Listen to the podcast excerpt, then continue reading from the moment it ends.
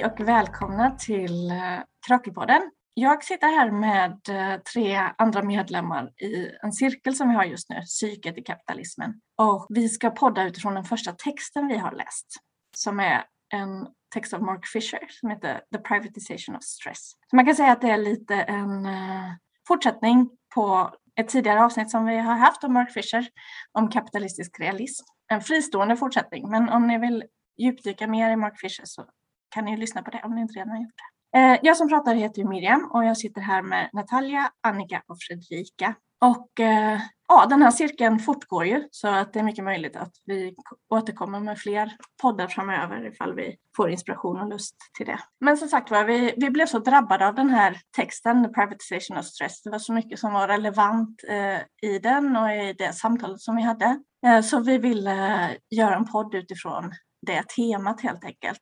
Och man kan väl säga, titeln säger ju ganska mycket. Stress är ett fenomen som är, är väldigt välbekant för oss allihopa i, i den här tiden. Och eh, vi känner ju alla igen att det finns ett stort, läggs ett stort individuellt ansvar på oss för detta. Och eh, texten väckte mycket frågor om, om tid för det är ju det det kommer ner till. Vad gör vi med vår tid och hur, i vilken utsträckning äger vi vår tid? Eh, vi lever i en tid där den teknologiska framstegen hela tiden effektiviserar arbete, men det kommer inte tillbaka till oss i termer av tid. Vi skulle kunna jobba mindre och dela på resurserna, men så går det inte till. Och en fråga som vi ställde oss i cirkeln är mm, varför går vi med på detta? Hur kan vi acceptera att behöva leva på det här viset? Då tänker jag att eh, begreppet kapitalistisk realism Eh, kommer, kommer in som en slags eh, sätt att förklara just den där naturaliseringen. Vad, vad, vad, tycker ni om begreppet kapitalistisk realism? Tycker ni att det är eh, användbart och vad, vad, vad gav det er att bli introducerade till det begreppet? Jag tyckte att det var ett väldigt användbart begrepp. Ehm, alltså jag tror att det liksom är väl en sägelse som cirkulerar det här att det är lättare att föreställa sig jordens undergång än eh, kapitalismens undergång. Eh, och det tror jag att liksom många kan känna igen sig och det var väl, alltså eh, det är ju någonting som Fisher berör liksom i texten hur möjlighetshorisonterna för oss psykiskt är så otroligt eh, trånga eller inskränkta och lite vad det beror på. Och, men en sak som jag också tyckte var intressant var att eh, han lyfter liksom att neoliberalismens framgång på något sätt byggde på att den liksom kapitaliserade på människors begär för en liksom friare, öppnare, jämlikare värld med mindre hierarki, kanske mindre liksom normfasthet, någonting mer dynamiskt och liksom diversifierat och det de istället fick var liksom shopping och prekaritet. Eh, och det, det tänker jag är viktigt på något sätt som en eh, väg ur den här eh, typen av hopplöshet och eh, eh den här känslan av att det inte finns några möjliga alternativ. Det är att liksom eh, återerövra det begäret på något sätt. Tack Annika. Det, det var ju en väldigt bra, bra sätt att rama in vad, vad det här begreppet och vad Fischers resonemang synliggör för oss. Jag tänker också att det väcker ju också mycket kring det här eh, med den psykiska ohälsan därför att eh, realismen är ju en del av en slags depression, en slags eh, illusionslöst tillstånd Eh, där vi inte har möjlighetshorisonter helt enkelt, inte tror på en slags framtid utan vi internaliserar det här systemet som det enda möjliga. Men senkapitalismen att leva i senkapitalismen, upplevelsen av det, det är, är hårt för många. Det är otryggt och det är hårda villkor och det är en slags tomhet eh, och ja, bara liksom vara tomt underhållen. Så liksom den förkroppsligade erfarenheten av det här systemet är hård och skär väldigt mycket mot den här eh, reklamtexten för, för systemet. Och det, och det är väl det som fångas in här. Fredrika? tänker du? Ja, men jag tycker att det som är genialiskt i Fishers liksom, där capitalist realism och hans liknelse till depression eller hans användning av hur han pratar om depression i motsats till sadness eller ledsenhet. Liksom att eh, om man är ledsen så är det någonting man är temporärt och det kanske är en specifik sak. Och, men det finns ändå ett, en idé om att det kommer gå över. Men att i, när man är inne i depressionen så ser man allting liksom ur det här, någon slags mörk, liksom, eh, vad heter det, mörkt filter och att allting, den här upplevelsen av, från den deprimerade positionen att, att okej, okay, det är så här saker ser ut egentligen, men allt är bara hopplöst, jag kan inte komma vidare. Och att jag tror att det som vi pratade så fint om i cirkeln också, när vi pratade om vägar ut och det här att det liksom, det, den depressionen gör det ju svårt att se något hopp och också svårt att hitta någon ork till att tänka på andra sätt och liksom Ja, men att det är det som är det, det, och liksom den här realismen, att det känns som att ja, men jag ser världen så som den är liksom, och det här är, det finns ingenting. Det, och just att liksom, ja, när Annika, Annika du talade om det här, eh, det är lättare att föreställa sig världens undergång än kapitalismens undergång. Jag kommer ihåg att det var en meme som cirkulerade för några år sedan, eller meme kanske inte, men en bild av så här, turister i Venedig när Venedig hade översvämmats. Så, liksom, så går de där med sådana typ Louis Vuitton-påsar eh, och typ så här, bara, ah, men vi ska liksom konsumera in i det sista för det är det enda vi har. Och det är bara så, ja, det är som att vi alla är fasta. Liksom. Jag vill haka vidare med depressionen och det också. Att, vi, att, att folk in, jag tror inte att eh, vi förstår hur deprimerade vi är i det här systemet. Och att, eh, att ens våga tänka någonting annat, det blir för, det blir för eh, tungt liksom, för att ingen fattar hur det ska gå till och det behövs, alla vill ha konkreta liksom, svar på så här, ja, det är en fin idé, men hur ska det gå till? Och det, det, kan man ju inte, det har ju inte vi formulerat själv heller. Och, och pratar man om, om någonting annat, någonting innan eller någonting eh, som, in, som inte är byggt på kapitalism, då får, man, får jag i alla fall ofta den slängd tillbaka, så här, ja men vadå bondesamhälle och liksom Alltså, det blir så naiv och, och, och liksom ytliga diskussioner till slut eh, när man pratar om, om det med folk som inte då har, tänker, eh, liksom, vågar forska i sina tankar liksom, och, och nyfiket. Och jag tänker också att den här depressionen kommer som det har blivit en explosionartad, eh, liksom, att vi bara anpassar oss i det här på grund också av sociala medier och sånt som gör att den enda lilla tiden vi hade utanför arbetet nu konsumeras upp av eh, sociala medier där vi egentligen då blir matade med att också konsumera oss ut, som ni säger, alltså konsumera oss ut ur allt. Alltså är vi, har vi gått in i väggen så ska vi ändå, vi ska ändå kunna konsumera från vår säng. Liksom. Alltså det, det är verkligen eh, det är att vi inte vi vill inte se något annat. Vi orkar inte och vi vill inte se något annat alternativ. Det blir för jobbigt. Liksom. Eh, tack Natalia, det var väldigt sant. Jag blev också drabbad av, eh, Fischer har med ett Brecht-citat som eh, går ungefär att kapitalismen är en herre som inte gillar att bli tilltalad vid sitt namn. Alltså det är ett system som inte, som inte vill eh, bli omnämnt utan helst ska vi bara acceptera det som luften vi andas. Det, det ska vara så för givet taget. Eh, och samtidigt så är, som vi sa innan, den levda erfarenheten av det så, så tufft. Eh, den här bristen på gemensamhet, den här individualiseringen eh, leder ju eh, tillsammans med liksom, arbetsmarknadens utsugning till en, att man lever i en grundläggande otrygghet där vi ska själva ta ansvar för vårt mående, för vårt arbete, för vår stabilitet, för, för alla aspekter av livet. Jag tänkte också på det du sa Natalia om den här tvångsmässiga tillgängligheten som, som Fischer verkligen eh, lyfter fram. Fredrika på cirkeln så lyfter ju du den här liknelsen han har när han pratar om death drive, alltså som en slags pann som handlar om att när man eh, smsar eller kollar meddelanden medan man kör bil. Att det är en ganska vanlig företeelse att det här, den här bundenheten till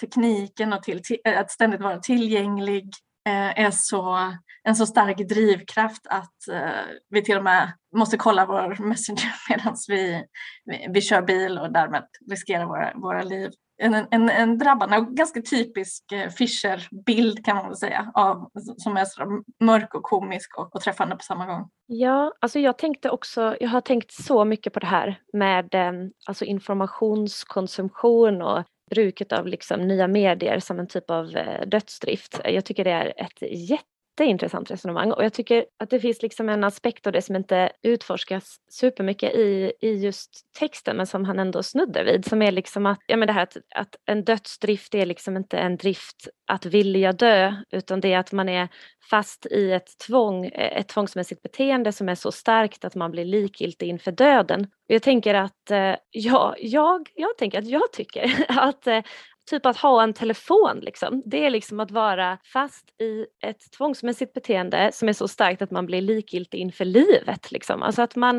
eh, ens liv, ens liksom existens förspills med att tvångsmässigt bara, ja men mer, mer, jag måste mer information, jag måste ha koll, jag måste vara insatt, jag måste vara tillgänglig och så är det en konstant, man är medveten om att liksom, det är någonting så påtagligt eh, meningslöst och påfrestande i det här formatet typ. Ehm, men man kan inte sluta eh, och bland annat för att det inte riktigt eh, finns någonting annat, liksom. det har ersatt många andra former av kommunikation och samvaro liksom, och information antar jag. Och eh, ja, alltså det här tänker jag ju verkligen har en negativ inverkan på människors psyke och eh, påverkar människors sätt att se på sig själva och varandra och ha relationer. Och jag tänker också på typ alltså kopplingen mellan det och det som du pratade om Fredrika med liksom att så här, konsumera in i det sista, det är det det är det, vi, det är det enda vi har. Det, det vi har är shopping liksom, eller så här. Eh, och, eh, att, det, alltså att det på något sätt är så här imperativet för hela vår kultur att bara så här njut, njut, njut dig till döds. Liksom. Alltså, eh, köp, köp, köp medan planeten brinner eller liksom eh, ja, du kan inte få frihet, du kan inte få jämlikhet, du kan inte få alltså, så här genuin, typ så här djup sammankoppling med typ världen och människor. Men du kan få liksom en kick. Och eh, att det också är ju någon slags dödsdrift nästan i det, tänker jag. Ja, och att det här liksom mer, mer, mer hela tiden är ju liksom inbyggt i också i mediet, alltså det är ju inte en slump eh, att man får den här äh, tvångsmässiga känslan av att man hela tiden måste lägga ner mer tid, se nästa inlägg, scrolla till botten så att man inte missar någonting. Utan, alltså det är ju eh, avsiktligt så, för att vår uppmärksamhet är en produkt liksom, som säljs. Så att det är, eh, ja, Ja, jag tycker att det här med dödsdriften är verkligen eh, intressant i relation till ja, vår, vår typ av liksom informationssamhälle och senkapitalismens typ kulturella logiker. Väldigt relevant för vår psykiska hälsa och vår möjlighet att, att ta oss ur den här typen av system. Ja, alltså jag tänker det är väldigt intressant med det här informationssamhälle, eller liksom, när jag läste texten så var, var jag faktiskt tvungen att kolla, jag bara, när var den här publicerad? Ehm, um, så den kom ut 2011. Tyvärr har ju Fisher gått bort sedan dess också, liksom. men jag tänker att han rör bara lite i den här texten på just rollen av den digitala kommunikationstekniken, liksom, som vi nog ännu mer är inne i nu, väl tio år senare än vi var alltså 2011. Och jag tänker att det, det, finns verkligen någonting i, alltså jag tror att på många sätt är vi fast där i den här eh, death driven. Jag tror han också använder Jody Dean som pratar om, jag tror hon är kommunikationsforskare som pratar om så här, eh, också communicative capitalism, mycket, alltså just som använder just det här death drive för att vi är fast i de här i de här cirklarna av information. Jag tänker att mycket av, det, mycket av det är negativt. Är liksom, det handlar om konsumtion, det handlar om utseende, det handlar om, ja, vi alla sitter in fast i en loop av liksom vem, vilka är de ansikten, de kroppar som vi ser om och om igen och liksom hur trenderna mot liksom plastikkirurgi som är inspirerad av så här Instagram och Snapchat filters och sånt. Liksom att vi är helt fast inne i det. All vår vakna tid går åt det. Men jag tror också, Fischer är ju väldigt negativ mot de här och det, viss, och det finns jättemycket negativt att säga om det också. Men sen, samtidigt händer det ju intressanta saker på sociala medier också och det är ju, folk använder de här medierna för att organisera sig också och för att cirkulera andra sätt att vara i världen och jag tänker att det kanske ja, att man kanske kan använda liksom, man behöver inte vara helt negativ mot det heller, utan att vi kan säga nu, okej, okay, nu är vi alla uppkopplade på, i de här informationsströmmarna liksom, och hur, hur kan vi använda dem på ett radikalt sätt? Och det finns jag tror jag nämnde, som jag nämnde i cirkeln att jag jag precis läste en, en, ett paper om typ ett akademiskt paper om en, så här, som försöker läsa en twilight-renässans på sociala medier som ett sätt för eh, hbtq-personer runt om i världen att så här, få eh, eskapism och få stöd i en senkapitalistisk eh, grym värld. Liksom. Och det finns väldigt många sådana ingångar också. Jag tänker att det kan vara eh, jag vet inte, att, att, att, man kanske inte ska bli för fast i det bara 100% negativa läsningar av de här grejerna. Men att också försöka hitta andra, liksom, ja, andra utrymmen där man kan för glädje eller för samhörighet. Ja, så jag tänker att, att mänskligheten är ständigt driven mot att söka gemenskap och eh, att eh, såklart så är ju, ja men en Twilight hbtq-gemenskap på internet, en, det är ett värdefullt uttryck för gemenskap. Men att de där sammanhangen uppstår, ja men det är ju en slags frihet för kanske den gemenskap som har funnits tidigare har varit av ett mer eh, konservativt slag. Å andra sidan så, alltså det synliggör Fischer i den här texten hur, hur utarmningen av olika offentliga platser eh, skapar den här stressen eller eh, individualismen. Att människors tidigare eh, normala band till varandra som liksom skapade meningsfullhet och att man kände sig hållen och så. Allt, allt mer eh, är, försvunna. Alltså, man, har inte, man har inte en plats, man har inte ett grannskap, man har inte en fackklubb, man har inte en förening, eh, man har inte en fast arbetsplats kanske till och med. Man kanske eh, arbetar allt mer hemma och har inte ens eh, en gemenskap i, eh, i ett kollegium. Alltså, ja, men det, det blev väldigt tydligt för mig. Om, I det offentliga rummet så rör vi oss som isolerade atomer och ser inte heller varandras mänsklighet, blir inte en del av ett mänskligt sammanhang i de rummen. Eh, och det, det är ganska drabbande att tänka på det här viset på en bakgrund till vårt psykiska dåliga mående. Att, eh, att vi helt enkelt saknar den här, den här naturliga tryggheten av att vara en del av ett, ett sammanhang som är så sönderslaget i senkapitalismen. Jag tänker precis så också, att det, även om jag också har lärt mig massor i, via sociala medier för att jag själv söker upp liksom olika personer eller plattformar och så, och bara att vi sitter här är ju ett tecken på att det det kan funka på ett bra sätt. Men det blir också, om vi nu ska använda det på ett jättebra sätt, då måste vi ändå göra om det lite för att det kommer ju de här algoritmerna och liksom, eh, någon tjänar pengar på det ändå, liksom, så det finns bakomliggande tankar. Så det blir också väldigt eh, högt tryck på den individen, alltså på den egna individen att klara av att ta bort och rikta och liksom avfölja, följa rätt personer eller vad man ska säga, vad man, vad man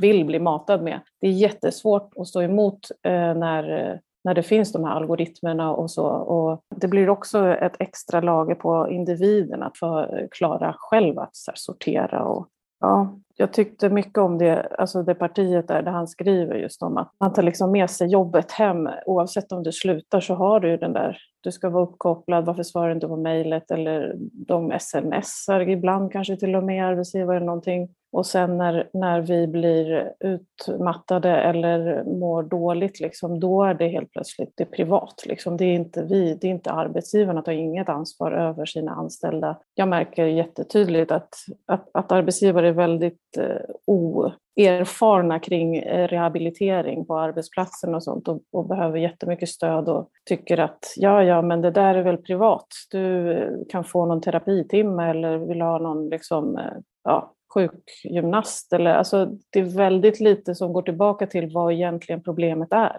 Eh, det är ingen som orkar ta reda på det eller vill titta på det. Så att jag tycker den, den, eh, ja, det stycket slog an på mig lite där med sociala medier som äter upp oss. Ja, alltså ja, gud, jag tycker vi, vi, måste verkligen prata mer om hur mycket sociala medier är jobb. Och vi borde verkligen prata, och det är det som är Fishers bra i den här texten, just där individualiseringen av stress. Att det är liksom, han börjar eh, artikeln med en så här anekdot från någon, eller en, han citerar en annan författare um, som har skrivit om det så här prekära gig-livet. En man som så här, jag tror han går ut i tio minuter för att gå till affären och handla och då när han kommer tillbaka har han missat om det var ett eh, samtal eller ett mejl eh, om att eh, han blev erbjuden arbete för dagen. Han ringer upp då tio minuter senare och bara hej jag är här, jag är tillgänglig och då är jobbet redan borta. Och då är det liksom, då blir det på hans, individ, hans individuella misstag att han inte har varit tillgänglig för det här. Och det är ju verkligen så det ser ut för många nu att det är liksom vi personligen de som måste hela tiden vara tillgängliga för eh, jobb och vara ute där och jaga och liksom eh, ja, vara konstant tillgängliga. Och just det här med sociala medier är sån, jag tänker mycket på det för att när jag, sociala medier säljs fortfarande in som om att det bara är kul och fritid och liksom roligt och dina hobbys och dina liksom, eh, ja, intressen så. Men egentligen är det ju jobb för väldigt många. Alltså det är ju, och det är många, många yrken som, där man där det krävs att man har ett, liksom, en, en närvaro på sociala medier och att man liksom hela tiden vårdar den eh, presentationen, liksom den, den, den profilen man har där. Och jag, jag har undervisat studenter i så medievetenskap i, i, USA och en del av liksom vårt så här, kursplan var så här, okej, okay, ni måste lära, alltså det är typ 20-21-åringar som bara, okej, okay, ni måste lära er att ta hand om er, eh, så, liksom, ert internetnärvaro. Ni måste, det måste se bra ut när, när eh, arbetsgivare googlar er och ni ska ha en LinkedIn, ni ska ha det här och det är jättebra om ni har en Twitter där ni gör, liksom, där ni, eller om ni har och liksom allt från det till ta bort festbilder, liksom sådana grejer. Och då när jag har undervisat det har jag faktiskt alltid försökt prata med studenterna och säga okej, okay, jag vill bara att ni också ska veta att det här är jobb. Att ni alltid ni lägger, det är liksom, ni jobbar mycket mer än tidigare generationer. Och i den finns det ju också den här, som kanske försvinner mer och mer nu, men den här liksom att äldre, kanske 40-talister, 50-talister, de är så, åh dagens generation är så himla självcentrerade och de bryr sig inte om jobb och bla bla bla. De gör ingenting och man bara, hallå, de sitter med sin telefon och liksom vårdar ett, eh, en PR-bild av sig själva dygnet runt. Det klarar inte ni av att göra och, och det finns inga jobb tillgängliga och då och det är mycket det här sociala medier som också är så här osynligt jobb ju. Alltså att liksom det syns inte att du sitter där och är tillgänglig och att du hela tiden har notiser på om det skulle hända någonting, jag vet inte, klockan tio en fredag. Liksom, det är ja, så mycket där som vi må, måste verkligen prata mer om att det här är liksom ansträngning och det tär så himla mycket. Och just nu skulle jag säga också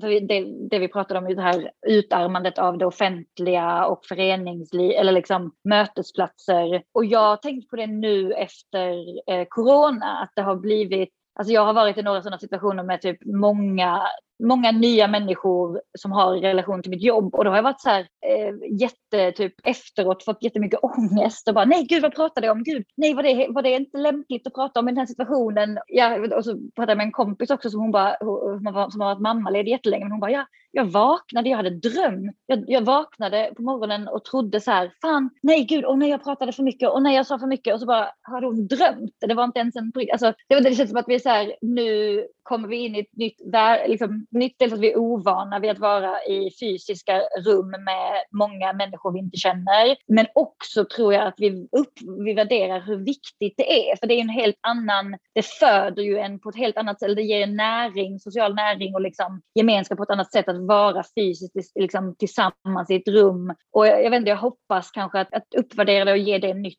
värde och ny plats liksom och ja, på, på ett bra sätt. Ja, alltså jag tänker att eh, du typ eh, gjorde ju liksom en grej nu som eh, jag tänker att vi lär oss av Fisher är så himla viktig att göra. Och det är liksom att prata om hur, ja, alltså hur våra psyken påverkas och, och formas av liksom den här typen av eh, samhällsordning. Och eh, det, jag tror att det är otroligt, eh, jag kände igen mig jättemycket att ha liksom, jag tänkte, ha är det inte bara jag? Liksom? Och jag tänker att det, det, det är ju väldigt viktigt, för så kände jag också när vi hade vår första eh, cirkelträff och pratade om liksom hur, hur man kan uppleva, ja hur upplever man sig? Påverkad psykiskt av liksom senkapitalismens eh, materiella och kulturella villkor. Och jag tänker att vi också liksom har snuddat nu på hur det finns en sån otrolig liksom mångfald av olika sätt varpå de här gränserna mellan liksom, eh, arbete och fritid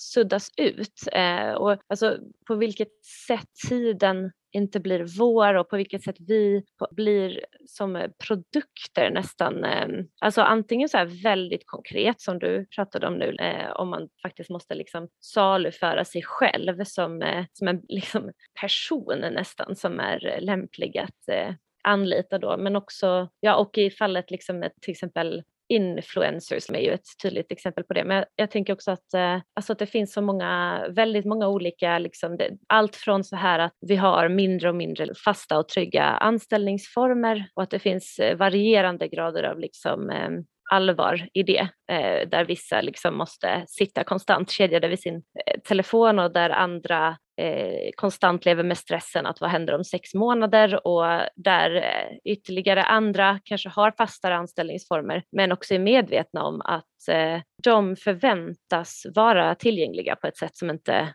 var vanligt förr. Och att detta liksom, eh, både den här otryggheten och den här enorma liksom stressen och påfrestningen, att det här ställer så otroligt stora krav på oss, skapar ju jättemycket psykiskt lidande och som Fisher skriver så uppmanas vi alla att liksom söka efter svaren till det lidandet i vår familjehistoria eller i vår hjärnkemi. Han har ju också någon sån, han snabbt ifrågasätter hela tesen om liksom sömnbrist som orsak till eh, depression. Det tyckte jag var intressant. Jag vet inte så mycket om det så jag ska inte gå in i det mer, men eh, det är ju liksom eh, ganska, ganska barockt att vi har ett enormt folkhälsoproblem som inte kallas vid sitt rätta namn. Och vårt svar på samhällsnivå på det här problemet är liksom inte heller kollektivistiskt utan är individualiserande. Att man ska typ gå i terapi för att rehabilitera sin arbetskraft ungefär. Eh, och därigenom kan man ju bli ytterligare rånad på sin mänsklighet och känna sig ännu mer ensam och isolerad. Så det tänker jag är en viktig uppgift för alla oss som vill ha en annan värld. Det är att eh, att artikulera den här delade stressen och eh, smärtan och politisera den. Verkligen.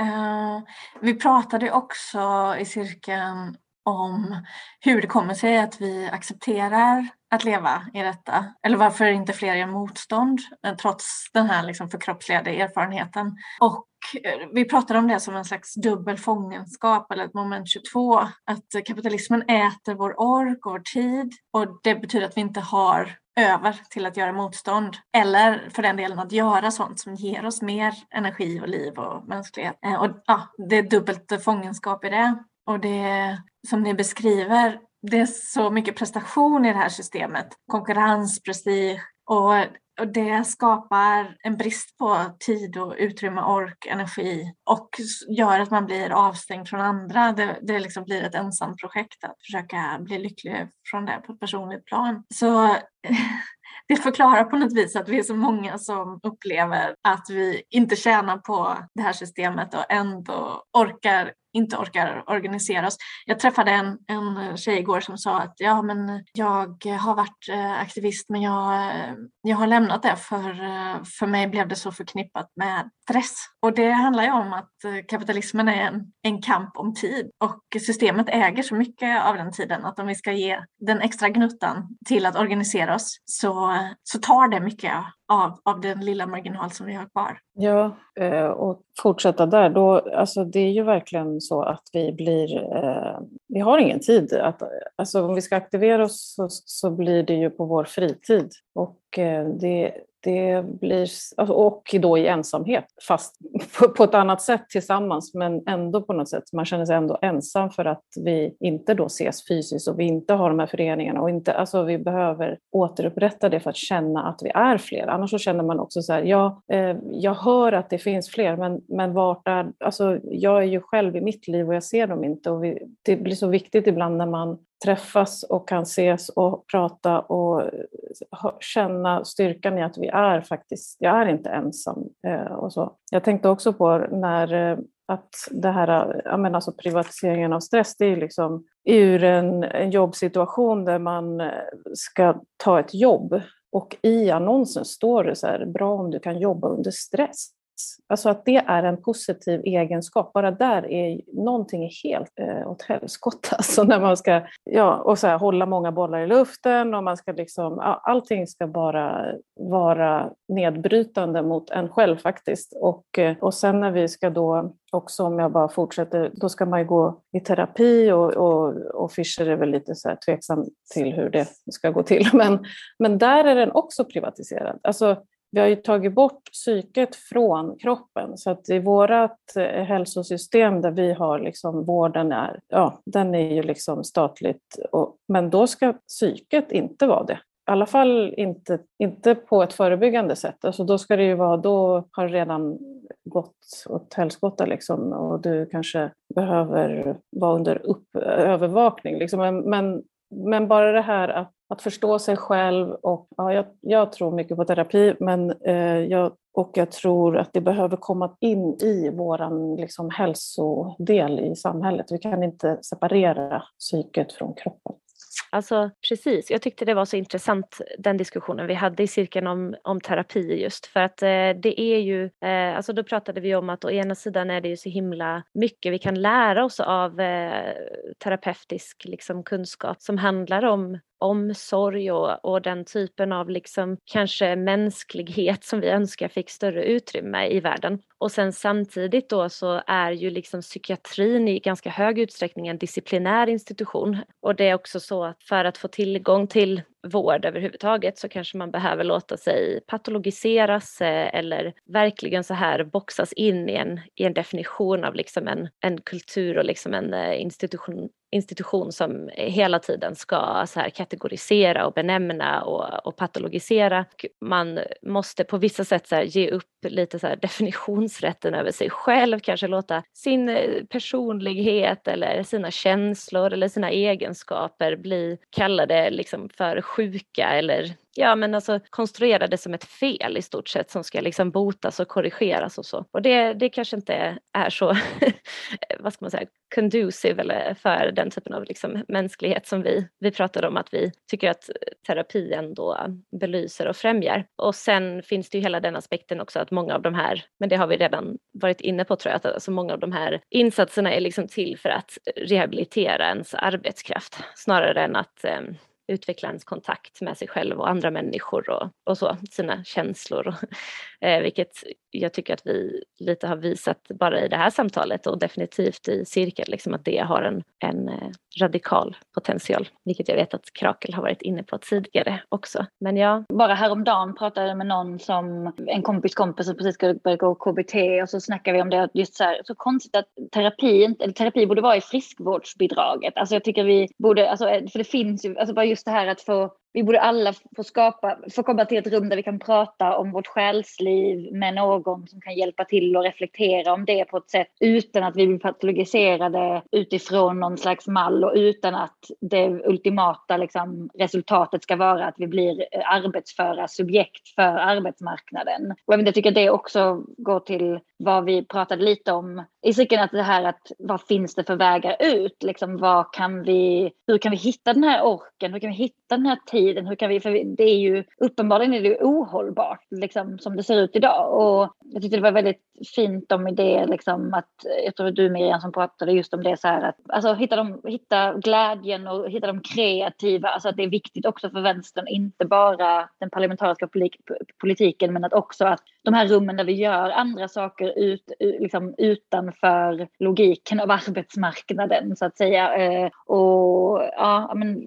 vi behöver hitta glädje tillsammans liksom. Och ja, jag hoppas att vi kan hitta hopp och tid för det. Jag skulle vilja bolla vidare till Annika för jag kommer att tänka på det resonemanget som du hade om eh, att socialistisk, eh, antikapitalistisk kamp är, eh, man måste gå till det djupt existentiella. Eh, för det är det som vi ju rör oss runt här när vi pratar om själens tillstånd och tiden. Och, ja, du, du får gärna haka på. Eh, ja, Ja, men jag tänker att, att, ja, att socialismen verkligen är ett existentiellt projekt. Så det, jag tänker att varje människas liv är liksom som en kosmisk nysning. Liksom det är över på ett ögonblick ungefär. Eh, och det är djupt, djupt tragiskt eh, att den lilla tid vi har slösas på att göra saker som vi kanske varken vill eller orkar göra för att göra någon annan rikare på vår bekostnad. Eh, och dessutom, liksom, alltså bara det är en fruktansvärd tragedi. Och utöver det, så om man beaktar liksom den fruktansvärda misär som råder eh, till följd av det här systemet och hur många människor som inte ens har basala behov tillfredsställda så blir det nästan outhärdligt att ens liksom hålla i, sin, i sitt inre verkligheten av hur det är. Och jag, jag tänker också att så här, våra existenser utarmas så fruktansvärt mycket av, eh, inte bara att vi rånas på liksom vår tid, utan också att vi, vi rånas på varandra. Eh, alltså, jag tror inte att någon människa mår bra av att vara varken eh, underordnad eller överordnad någon annan. Alltså, det är som att vi blir rånade på vår liksom, värdighet och vår mänsklighet eh, på alla plan. Ehm, eh, ja, och det, det, det, tycker jag liksom verkligen eh, det, det, gör mig liksom eh, stum av för, förundran ibland hur, hur vänstern kan ha liksom misslyckats med att eh, bli hegemoniska i sin um, samhällsbeskrivning. För att jag tror ändå att vi alla har det liksom i benen, alltså vi lever liksom med den här, med den här smärtan och eh, stressen och sorgen och alienationen och liksom och så. Eh, men jag tänkte också bara på, för det som ni var inne på eh, innan, om liksom behovet av att skapa då kreativitet och lust och samhörighet och så i, i vänstern. Eh, för att jag vet att vi pratade också i cirkeln om liksom vikten av att vänstern liksom är prefigurativ i sin organisering vad gäller relationer, tänker jag. Eh, att det är väldigt lätt att vi eh, i de här gemenskaperna som vi försöker bilda då faller in i samma typ av liksom konkurrenslogik, eh, att vi ser varandra som ting, att vi ser på varandra på ett liksom instrumentellt sätt, att man typ ska använda varandra för att uppnå olika mål eller alltså så. Och att det är, jag tror att det är liksom oerhört viktigt att odla omsorg och skapa utrymme för eh, mänsklighet och, och liksom mening och samhörighet på ett djupare plan. Jag upplever också att, att prata Alltså vänsterns sätt att prata kanske, alltså att det bara kategoriseras som extremt allting, blir ju också väldigt, eh, det blir ingen debatt, det blir ingenting. Det ut, alltså att, att ha en, en tankeidé som man skulle vilja utforska mer, den bara, det är bara totalt fast i kapitalismens form. Liksom, du kan inte ens tänka att diskutera saker och att likställas med Sverigedemokrater blir liksom så här, ett extremt parti mot ett annat. Man bara, alltså hallå, hur, hur tänkte du nu liksom? Men jag, jag saknar sådana samtal överhuvudtaget i de politiska debatterna. Det finns ju ingenting som är utforskande, det handlar bara om poänger, det handlar bara om eh, du gjorde så, jag gjorde så. Alltså det, det, det händer ingenting. Det händer, alltså hur ska folk kunna veta vad de olika då, politiska partierna vill ens? För att det handlar bara om sakfrågor istället för det stora liksom, samhället. De lyfter ju sällan de stora samhällsfrågorna. Liksom, hur, eh, vad är det för vision de har? Jag vet, jag har inte hört den på länge. De lever kvar på så gamla visioner och sen blir alla väljarna jättebesvikna på att det inte var så. Liksom. Men, men bara som eh, hur, hur vi ska vinna tillbaka vår tid. Alltså hur vi ska... Jag, jag kan ju känna mig så här att man känner sig lurad av systemet för att då det, det här systemet vi har och eh, vi ska jobba och vi ska bla bla bla. Men att, att, alltså att vi behöver typ lura tillbaka på något sätt. Att vi, att, eh, som, som en egen liksom, överlevnadsstrategi så, så tror jag att vi bättre om vi tog avstånd från att, liksom känna oss, att behöva känna oss lönsamma och eh, produktiva och duktiga och, och, så. Och jag brukar tänka på hans, alltså Carl Johan De Geers eh, konst om skända flaggan och, och liksom göra, den har ju gjorts massa eh, utvecklats jättemycket och så. Och bara skända arbetet. Liksom. Skända arbetet, svik kapitalisterna, vägra vara duktig, var olydig. ja, men så att, att, man kan ju göra det här i små steg, det är jättesvårt. Eh, jag försöker praktisera det själv lite, men man, men man sitter ju fast i det här systemet fortfarande, så det är inte helt enkelt. Liksom. Men det, jag, jag, jag tror också på att vara lite mera olydiga. Och, eh, vi har jättemycket snäva liksom, regler och, och beteenden som också är så kulturellt eh, egentligen framtagna som, som så fort du ut, liksom, är från någon annan kultur och gör på ett annat sätt Nej, då får du inte vara i det här offentliga rummet. Alltså när, om man ska knyta an till det här offentliga rummet-pratet vi har haft, att, att där får vi ju inte vara hur som helst. Alltså det, är otroligt snävt liksom, hur, vem de här ytorna är till för. Det, för mig kopplar jag det väldigt mycket till eh, rasism.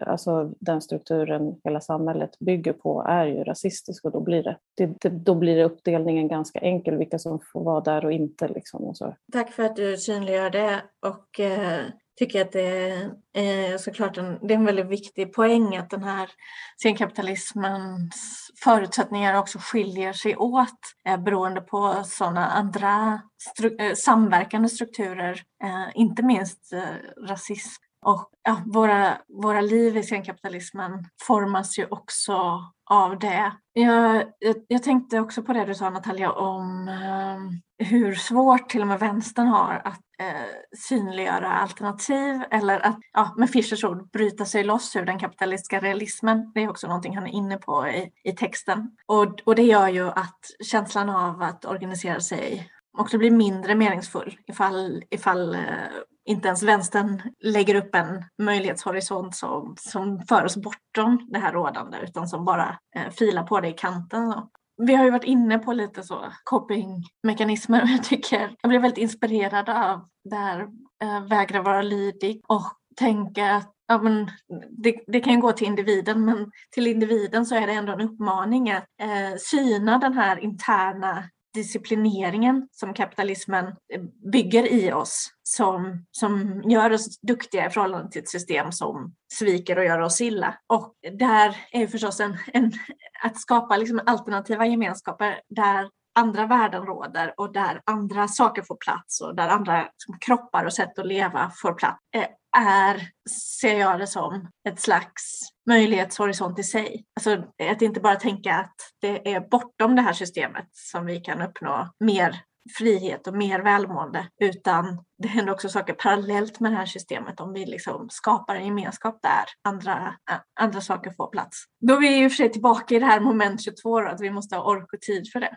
Men det är kanske också, ju mer vi blir medvetna om värdet av det, desto, alltså att medvetandegöra som en politisk strategi för att vi ska kunna välja något, någonting annat. Ja men det här alltså, tänker jag är så himla himla viktigt. Eh, verkligen. Att, eh, och jag tänker att man då också ska ta på allvar det här med att aktivism i vårt system verkligen kan bli oerhört förknippat med stress och att vi har ont om tid och ont om ork. Eh, och många av oss känner att det finns alldeles för många och för höga krav på oss. Eh, och och då, med det menar jag typ alltså att man tar det på allvar. Med det menar jag att så här, man inte ska förringa betydelsen av lust. Eh, alltså lust och eh, krafthämtning. Att det är inte banalt eller navelskådande tycker jag för vänstern att, att också sätta det lite i fokus att så här, det här ska också vara en plats där vi hämtar kraft av varandra och där vi finner lust och där vi finner mening här och nu.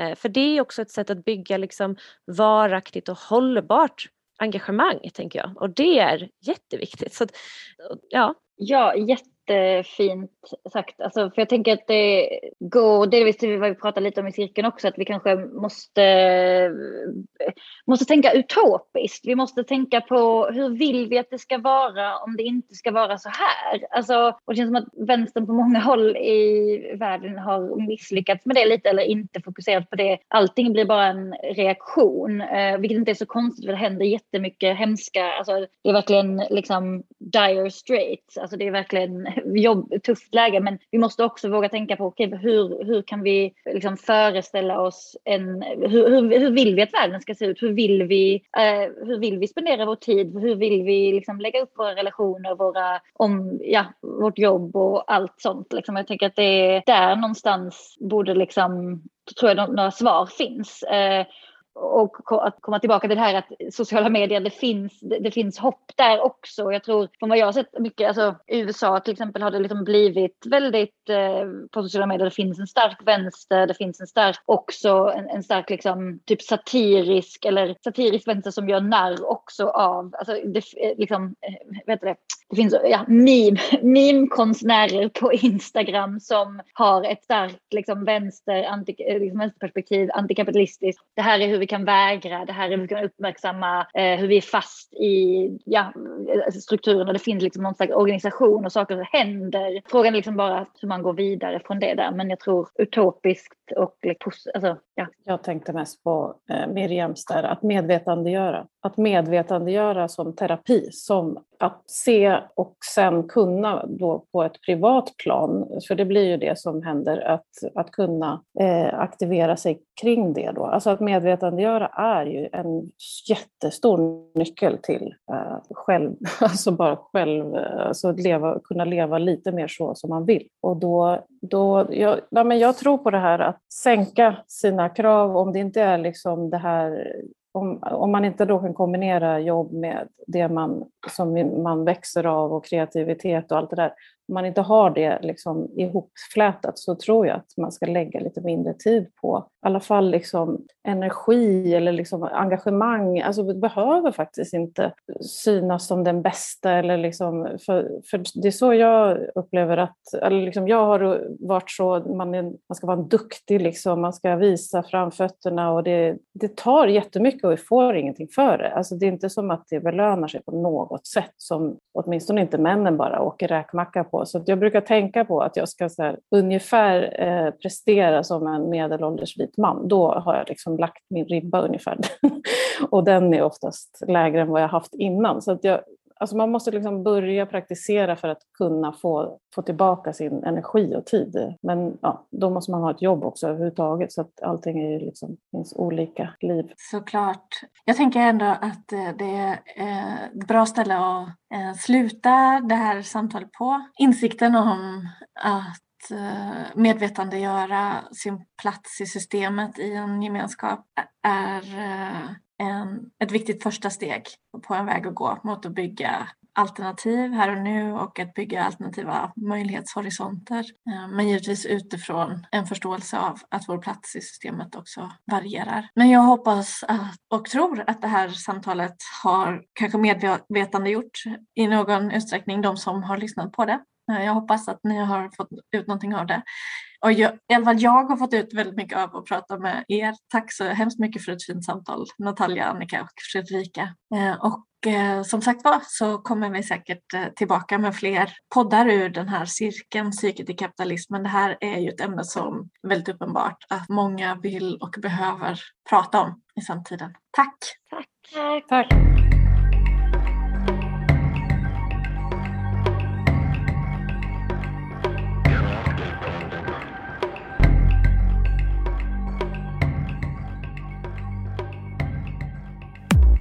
Du har lyssnat på en podcast som görs i samarbete med ABF Malmö.